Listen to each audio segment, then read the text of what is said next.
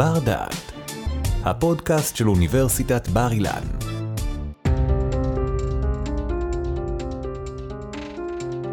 שלום, ברוכים וברוכות הבאות לבר דעת. ז'אנר הפשע האמיתי הוא אחד מהז'אנרים הפופולריים ביותר בעולם ההסכתים. ולמה לא בעצם? מי לא אוהב לשמוע סיפור טוב שבמרכזו תעלומה סבוכה ומרתקת? קורבן וחשודים, כאשר לאורך הסיפור כולו המאזינים מגלים לאט לאט את מערכות היחסים הסבוכות שהובילו לפשע המדובר. ומה עם סיפור פשע אמיתי נוסח ישראל? כזה שמערב בתוכו סוגיות חברתיות, סכסוך משפחתי, והכל על רקע הקמת מדינת ישראל הצעירה. כזאתי בדיוק פרשת יוסלה שוחמכר. נמצא איתנו כאן היום להבין מה בדיוק מסתתר מתחת לפני השטח בפרשת יוסלה שוחמכר, בפרק הראשון מבין השניים שנקדיש לנושא, פרופסור קימי קפלן מהמחלקה לתולדות ישראל ויהדות זמננו. שלום קימי. שלום וברכה. יכול להיות שאני סתם מנפחת ומכניסה את המאזינים למתח? יש פה דרמה בפרשה הזאתי? יש פה דרמה ועוד איך, והדרמה הזאת אה, מתחילה בשלהי 1959, אנחנו נכנסים לזירה שבה ילד נעלם מתחת לפני האדמה, מעל פני האדמה, אנחנו לא יודעים איפה הוא, הוריו לא יודעים איפה הילד, אה, וזו הכניסה שלנו לדרמה שתארך שנתיים וחצי, עד שהילד הזה יימצא בצד השני של האוקיינוס בארצות הברית. דרמה שמסירה את מדינת ישראל, אה, מעסיקה את רשויותיה של מדינת ישראל סביב ילד.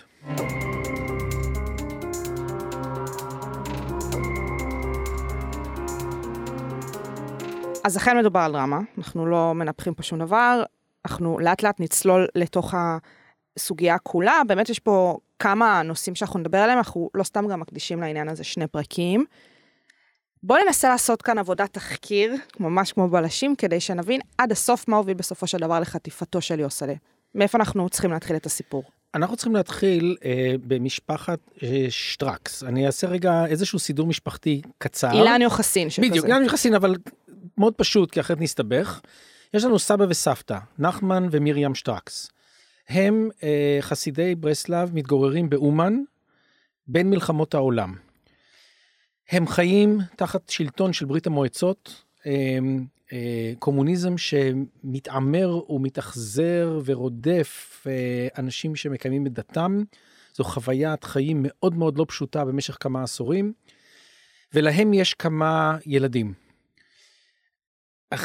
שלושת הילדים שהם לענייננו החשובים, אה, עידה זו ביתם, עוד רגע נחזור אליה, ויש להם שני בנים, שלום ועובדיה, יש עוד ילדים כמו שאמרתי, נעזוב אותם כרגע בצד. שלום ועובדיה שטרקס, עידה שטרקס, שתהפוך להיות עידה שוחמכר כאשר היא תתחתן עם אלתר שוחמכר. המשפחה הזו, הילדים האלה גדלים בין מלחמות העולם באותה אומן, באות, תחת אותה חוויה של רדיפה דתית, והשיא מבחינה משפחתית בעצם הוא ב-1938, כאשר הסב נחמן מוגלה לסיביר על ידי השלטונות בעקבות פעילותו שנתפסת כחתרנית אה, בידי, על ידי השלטונות. הוא מוגלה לסיביר, הוא חוזר בתום המלחמה ב-1945. ואז המשפחה, המשפחה אה, עוקרת אה, ללבוב, ועידה ואלתר מתחתנים, והמשפחה, כלומר הסבא והסבתא, עידה ואלתר וחלק מהדודים והדודות חיים ביחד בלבוב. אנחנו עדיין נמצאים באירופה, עדיין לא הגענו לישראל. אנחנו עוד לא הגענו לישראל, אה, וזו נקודה חשובה, אני אומר משהו, ואחרי זה יתבהר לנו למה זה חשוב. הם חיים כולם ביחד, יוסלה שוחמכר, כלומר בנם של עידה ואלתר, ואחותו אה, זינה, לימים תהיה זיווה, אה, שהיא גדולה ממנו בשנתיים שלוש, נולדים לתוך משפחה, לתוך בית שבו הם עם הוריהם ועם סבא וסבתא. הם חיים שם בלבוב עד 1957. ב-1957 יש עליית גומולקה, הנשיא של פולין, אפשר ליהודים לצאת מפולין, והם מהגרים המשפחה כולה מהגרת ב-1959, לא כולם ביחד, אבל בטווח של כמה חודשים, מהגרת לישראל. הסבא והסבתא, נחמן ומרים, מתיישבים במאה שערים. ההורים של יוסלה, עידה ואלתר, מנסים למצוא את עצמם, זו מדינה חדשה, הם לא יודעים את השפה, לא מכירים את התרבות, זה באמת חוויית הגירה לא פשוטה. הם מתחילים את חייהם בנהריה, מתגלגלים, אה, זה אתגר מאוד מאוד לא פשוט. ולאחר כשנתיים, אני אקצר את התהליך הזה, לאחר כשנתיים הם מתיישבים בחולון. יש עוד כמה בני משפחה בחולון. בזמן, במהלך השנתיים האלה, יוסלה, הנכד והנכדה, אחותו, בעצם בחסותם של הסבא והסבתא. במסגרת הבלבול והרצון של ההורים להיקלט במדינה החדשה, ההורים לא כל כך יכולים לגדל את הילדים, ועל כן הם בעצם מעבירים אותם לגידול אצל הסבא והסבתא. זה הקשיים של הקליטה והקשיים הכלכליים, והם אומרים יהיו סבא וסבתא. עכשיו למה זה חשוב? זה חשוב בגלל שהם גדלו עם סבא וסבתא, כלומר מבחינת הילדים, זו נקודה קריטית, מבחינת הילדים לחיות עם סבא וסבתא זה הדבר הכי טבעי בעולם. זה לא חריג. זה. לא חריג, הם מכירים את זה. זה מה שהם מכירים מילדות, מאפס בעצם. וב-1959, וכאן אנחנו נכנסים לשלב הראשון של הדרמה בעצם, בקיץ 1959, ההורים מתיישבים בחולון וקורים שני דברים בקיץ הזה. דבר אחד, יש אה, חילופי אה, מכתבים בתוך המשפחה, שמהם יש מי שמבין, ולא כל כך חשוב לנו אם זה נכון או לא, כי חשוב לנו מה שאנשים מבינים, כי אז לפי זה הם פועלים. יש מי שמבין שאלתר שוחמכר, אביו של יוסלה, בעצם אה, אה, מנסה לשכנע את אשתו ואת ילדיהם, לא טוב להם פה, קשה להם פה, לחזור לרוסיה. זה דבר אחד. הדבר השני הוא שההורים רושמים את שני הילדים לבית ספר ממלכתי דתי בחולון. במסגרת התיישבותם בחולון, ואז הם בעצם פונים לסבא וסבתא, אומרים, אנחנו, עכשיו אנחנו מיושבים, הילדים, להחזיר אותם אלינו הביתה, התא המשפחתי הטבעי. לגמרי.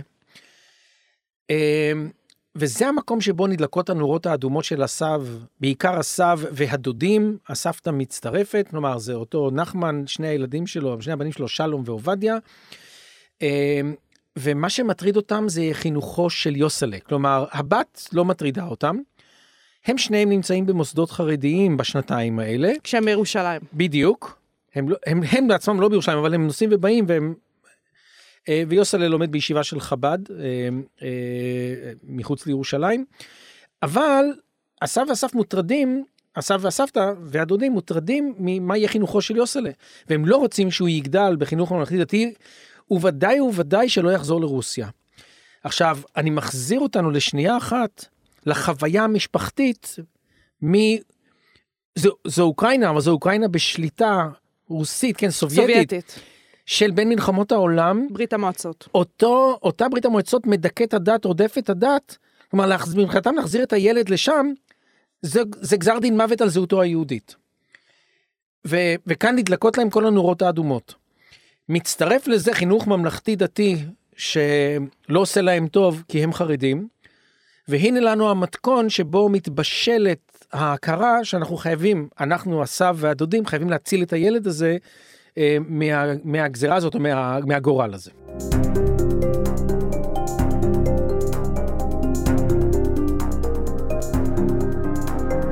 אם ככה, מוקד של תחילת הסכסוך, או של תחילת מה שבסופו של יום התגלגל לכדי הפרשה, פרשת חטיפתו של יוסלה, זה באמת שאלת זהות החינוך שהילד יקבל. אמרנו, אחותו אה, זיווה, זינה, אה, קצת פחות מעניין בשלב הזה, וזה הולך ומתפתח למשהו הרבה הרבה יותר גדול, נכון?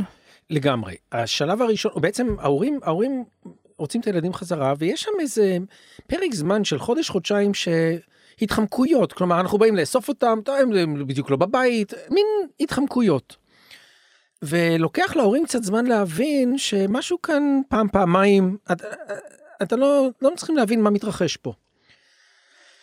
ואז בעצם לקראת סוף 59 ממש על דצמבר 59 בעצם הם מבינים שהילד אה, הילד זאת אומרת מעלימים מהם את הילד ב... את יוסלה. קמים בבוקר והם לא מוצאים את הילד שלהם? איך זה עובד מבחינה לא, טכנית? לא, הם, הם, הם מבינים שהסבא והסבתא בעצם החליטו שהילד הזה הוא מוסתר. כלומר, נגמר שלב ההתחמקויות, כי השיח הופך להיות יותר שיח יותר נוקב בתוך המשפחה.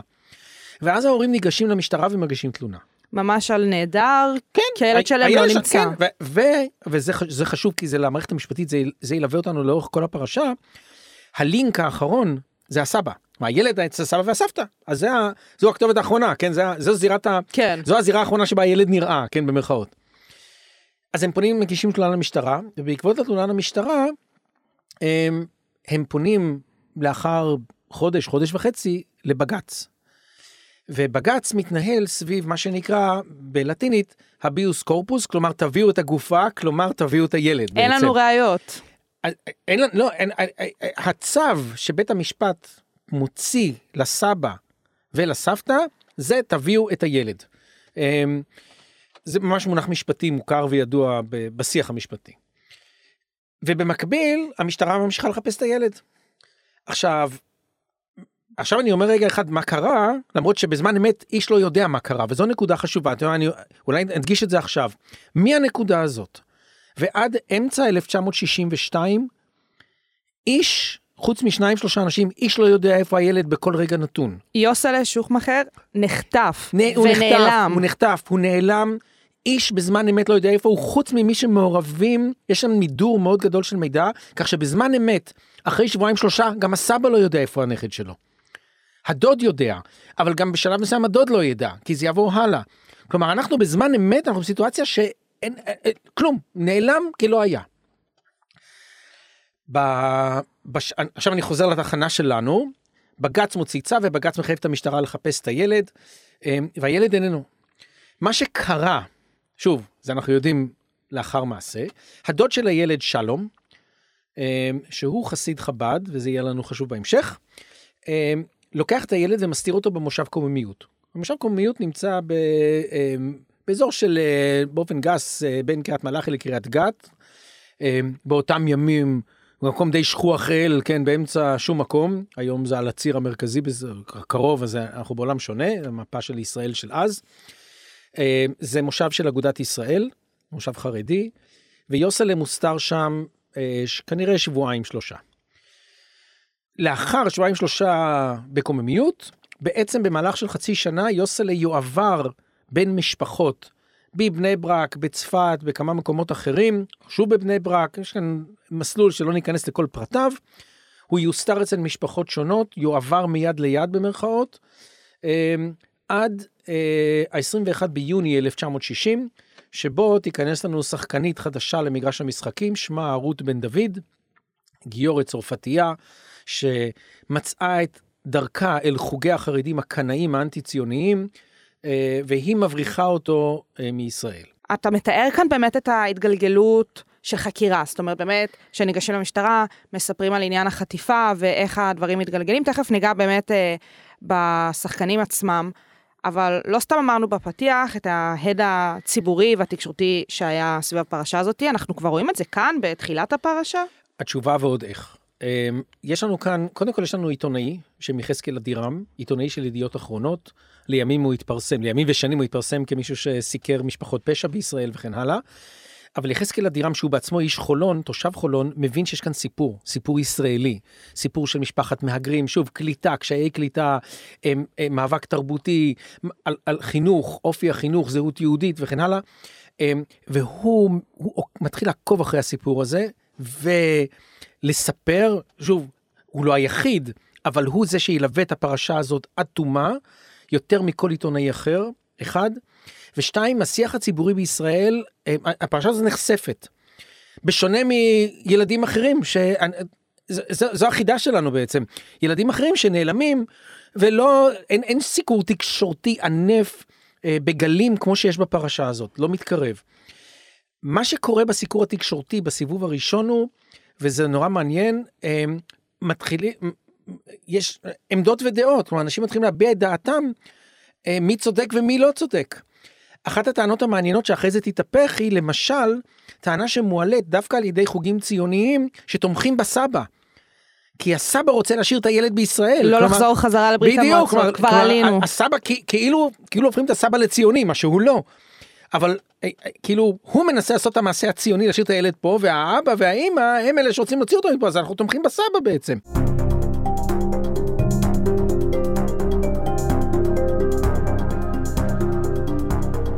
אנחנו עדיין די בתחילתה של הפרשה מבחינת העניין המשטרתי, הבנו שבאמת הפרשה הזאת עוררה עת ציבורי מאוד גדול, גם בטח אתה ממש מציג את זה ביחס לפרשות אחרות, חטיפות ילדים אחרות, אנחנו כרגע בסיפור של הוצאתו של יוסלה מהארץ, מה קורה מכאן? אני אחזור שנייה ש- משפט וחצי אחורה למ- למי שתהפוך להיות עכשיו שחקנית מאוד מרכזית בפרשה בשנתיים הבאות, זאת רות בן דוד. רות בן דוד נולדה ב-1920 אה, בצרפת להורים קתולים, והיא אה, התגיירה בראשית שנות החמישים, נדלג קצת על פרקי חייה, הם מאוד מעניינים, אבל נדלג עליהם. אה, היא התגיירה, אה, תחילה גיור רפורמי, ואחרי זה גיור אורתודוקסי, ולאט לאט במהלך של כמה שנים, מצאה את עצמה יותר ויותר מזדהה עם חוגים חרדיים קנאיים. ושליבם, ה- ה- הליבה שלהם יושבת בירושלים, במאה שערים באותם שנים. וכאשר ה- ה- יוסלם מועבר בארץ ממקום למקום, בשלב מסוים קם אחד מהאנשים שמעורב בפרשה מאחורי הקלעים, ואומר, רגע אחד, אולי נבריח אותו מהארץ. זה רב שבעצמו היה בצרפת, הגיע מרוסיה לצרפת, והכיר את רות, רות הכירה אותו בצרפת, לפני שהיא באה לפה, והוא עושה אחד ועוד אחד ואומר, היא עם דרכון צרפתי, והיא טיפוס, היא אסרטיבית ויש לה היסטוריה מאוד מעניינת, היא אישה מאוד מעניינת, היא יכולה לעזור לנו. הוא מגייס את רות לטובת המשימה, במאי 1960 היא נוסעת לצרפת, עושה זיוף בדרכון שלה, יש לה בן מנישואים, היא התחתנה עם קצין צרפתי במלחמת העולם השנייה, הנישואים החזיקו שנתיים והיא התגרשה ונולד להם ילד מהנישואים האלה. יש לה בן ששמו קלוד, לימים אוריאל. אותו קלוד מופיע בדרכון שלה, ילדים היו בדרכון של ההורים. היא נוסעת לצרפת, אה, מזייפת את הדרכון כך שהיא מכניסה תמונה של ילדה עם צמות, במקום קלוד הופך להיות קלודין. קלודין יהיה יוסלה. וב-21 ביוני 1960 היא חוזרת ארצה, והיא מגיעה לשדה התעופה לוד אז, כפי שהוא נקרא, עם דרכון, ש... והיא עם, יל... עם ילדה, יוסלה מחופש לילדה עם שתי צמות, קלודין, והם עולים על מטוס וטסים לאיטליה. ומאיטליה ברכבת ללוצרן, שווייץ. בלוצרן יש ישיבה שבזמנו ישבה, ישיבה חרדית שישבה ממש צופה על פני האגם של לוצרן, נוף מאוד מאוד ציורי. ויוסלה, זאת ההכנה הראשונה שהוא יהיה בה כמעט שנה. ראש הישיבה יודע מיהו הילד, אבל שאר הילדים לא, לא יודעים. לא שואלים שאלות. לא שואלים שאלות, אולי- אולי הם שואלים, אבל הם לא יודעים, לא מקבלים תשובה, זה ודאי. והוא נמצא שם שנה, אה, בסוגריים, לפי עדותו היום, שנה די נחמדה בסך הכל. אני יכולה להאמין לו. נוף ציורי, נוסעים על אופניים, חוויה, אה, חברה טובה. אני, שנייה אחת נלווה את הילד, אבל אז נחזור אחורה. לאחר כשנה היא מעבירה אותו משוויץ לצרפת. הוא נמצא בצרפת אה, במוסד של ילדים חרדים במשך בערך שמונה תשעה חודשים. לאחר שמונה תשעה חודשים, איפשהו בראשית 1962, אה, היא מעבירה אותו לברוקלין בניו יורק, והוא מופקד בידיה של משפחת גרטנר, שהיא משפחה שקשורה לחסידות סאטמר בניו יורק, והוא אחד מילדי המשפחה. מה קורה עם המשפחה המקורית אבל כל הזמן הזה? זאת אומרת, אמרת כבר אה, אה, קודם לכן את העניין הזה שבשלב מסוים הסבא כבר לא באמת יודע מה קורה, או הדוד לתקופה מסוימת מהמם. יודע ואז לא יודע. אנחנו מגיעים כאן באמת לפרשה שמתגלגלת לתוך שנתיים. מה, מה אז, איתם? אז כל מה שאמרתי עכשיו, אף אחד לא יודע, בזמן אמת. איש לא יודע. משטרת ישראל ממשיכה לחפש אותו פה בארץ, למרות שהיא עוקבת אחרי הדואר של הסבא, ושלושה שבועות אחרי שהילד הזה מוברח מהארץ, מגיעה גלויה מהדוד עובדיה בלונדון, שאומר שבעצם מהגלויה הזאת די ברור שהילד נמצא בחוץ לארץ, ומשטרת כן. ישראל עולה על זה, זה נמצא בתיקים שלה. אבל היא ממשיכה לחפש אותו בארץ, מי שמשלם את תג המחיר של כל החיפושי המשטרה, ויש המון כאלה, זה, זו בעיקר אחותו של יוסלה. כי כל פעם שיש איזושהי עדות, או, או מישהו מתקשר למשטרה ואומר, אני חושב שראיתי את יוסלה בצפת, אני חושב שראיתי אותו פה ושם, המשטרה שולחת ניידת כדי לאסוף אותה, כדי לקחת אותה איתם, לאן שצריך כדי לזהות את הילד הזה. אז אה, יש לנו כאן דינמיקה משטרתית שנמשכת אה, כאילו כלום לא קרה, עד כדי כך שהמשטרה, יותר מאוחר ב-1960, פונה לבית המשפט העליון ומבקשת לשחרר אותה, מה... היא אומרת, מבוי סתום, אין לנו, אנחנו לא מוצאים אותו. ובית המשפט אומר, אין דבר כזה לא מוצאים, תמשיכו לחפש. כלומר, הם מבקשים פטור, ובית המשפט אומר, בית המשפט העליון אומר להם לא. אז הזירה המשטרתית נמשכת, החיפושים אחרי יוסלה נמשכים.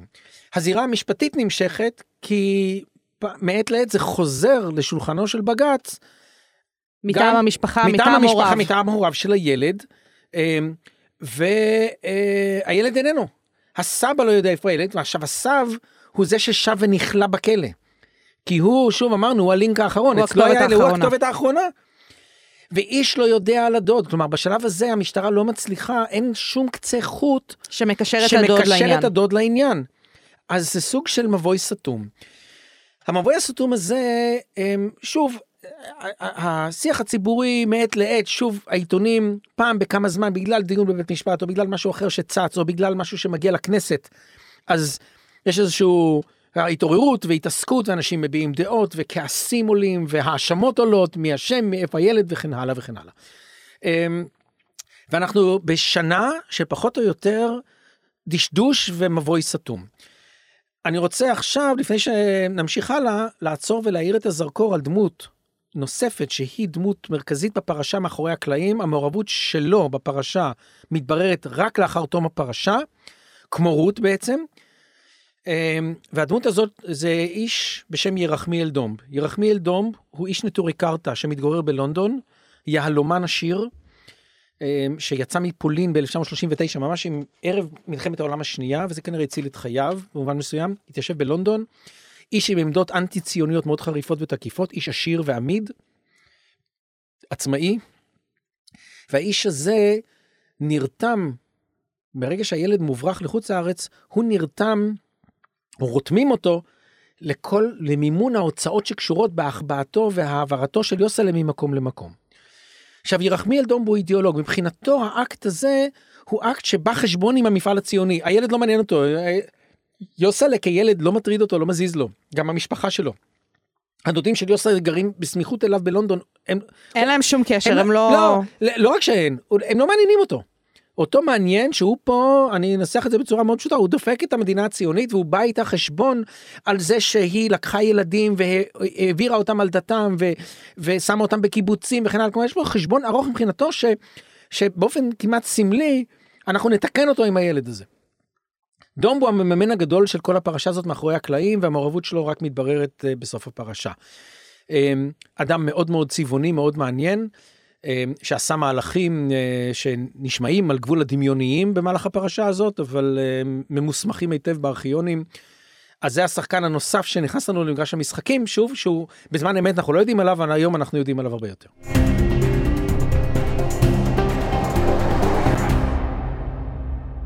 טוב, אנחנו ממש בסיומו של הפרק הראשון שלנו. אנחנו נזכיר למאזינות ולמאזינים שיש גם פרק נוסף, שבו אנחנו ננתח קצת יותר לעומק את הסוגיות והנושאים השונים שהפרשה הזאת באמת העלתה, כי היא העלתה הרבה יותר ממה שנראה לנו, יש הרבה יותר מאשר מה שאנחנו חושבים שזה רק בהקשר המשפחתי ובאמת חטיפה של ילד.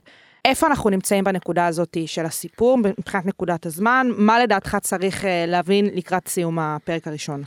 אני חושב שחשוב להבין הוא שבקיץ 61 אנחנו בעצם מתחילה יציאה מהמבוי הסתום. כמו שאמרנו שנה שלמה חיפושים בתי משפט הכל אה, רעש ציבורי אבל הילד איננו ואין שום קצה חוט כלום.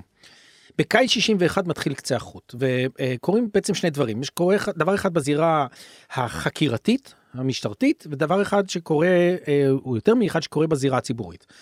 בזירת החקירה בעקבות חקירה של משפחה מסוימת מהמושב קוממיות, שעליה עולים בחשד למעורבות שנזכיר. בפרשה, שיוסלה הוחבא בקוממיות באמת בראשית אה, עניין. 1960, כלומר אנחנו שנה וחצי יוצא- יוצאת יותר אחרי זה, אמ, מתבררת המעורבות של הדוד שלום שטרקס בהבאתו של הילד לקוממיות.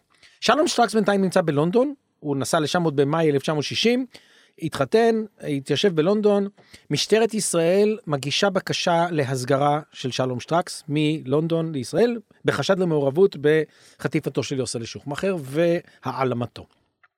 וגם בעדות שקר, ולא אכנס לפרטים של אותה עדות שקר. זה יהפוך להיות קצה החוט הראשון מבחינה חקירתית, ומבחינה ציבורית יקרו שני דברים. האחד הוא יוקם ועד ציבורי למען השבתו של יוסלה, יחזקאל אדירם יהיה מעורב בו, הבוס של אלתר שוחמכר, אביו של יוסלה, שעובד במפעל, שגם הוא נרתם לטובת העניין, מר וגנר, אמ, וכמה אישי ציבור. אמ, מתחיל רעש, רעש, רעש של אנשים שמייצרים רעש, אה, כאילו לעשות אפקט ציבורי, כן? דעת קהל. והדבר השלישי שמתחבר לזה, זה שהנושא הזה ישוב ויתחיל לעלות בכנסת שוב, גם בוועדות וגם במליאה. שזה כבר עניין אחר, כי דיברנו על העניין המשטרתי, על העניין המשפטי, וכאן אתה מכניס לנו ראש נוסף, שזה העניין הפוליטי. לגמרי, לגמרי, וזה יהפוך להיות נושא טעון בכנסת, וזה בעצם מה שמבחינה פוליטית יתחיל, יתחיל להזיז לדוד בן גוריון, שהוא ראש הממשלה, כי אנחנו כבר מגיעים לזירה שלו. אוקיי, זה סיום מרתק לפרק הראשון. באמת אתה מכניס כאן אה, עוד אלמנט שלא חשבתי שהופיע, השם הזה דוד בן גוריון, מה הקשר שלו לחטיפה של ילד. אנחנו נדון בנושאים האלה בפרק הנוסף שלנו. פרופסור קימי קפלן מהמחלקה לתולדות ישראל ויהדות זמננו, המון המון תודה. תודה לך. תודה שהאזנתם לנו. באפליקציית בר דעת מחכים לכם עוד הרבה פודקאסטים מחכימים. אתם מוזמנים לצאת איתנו למסעות נוספים אל העבר ואל העתיד. בר דעת, אפליקציית הפודקאסטים של בר אילן, משפיעים על המחר, היום.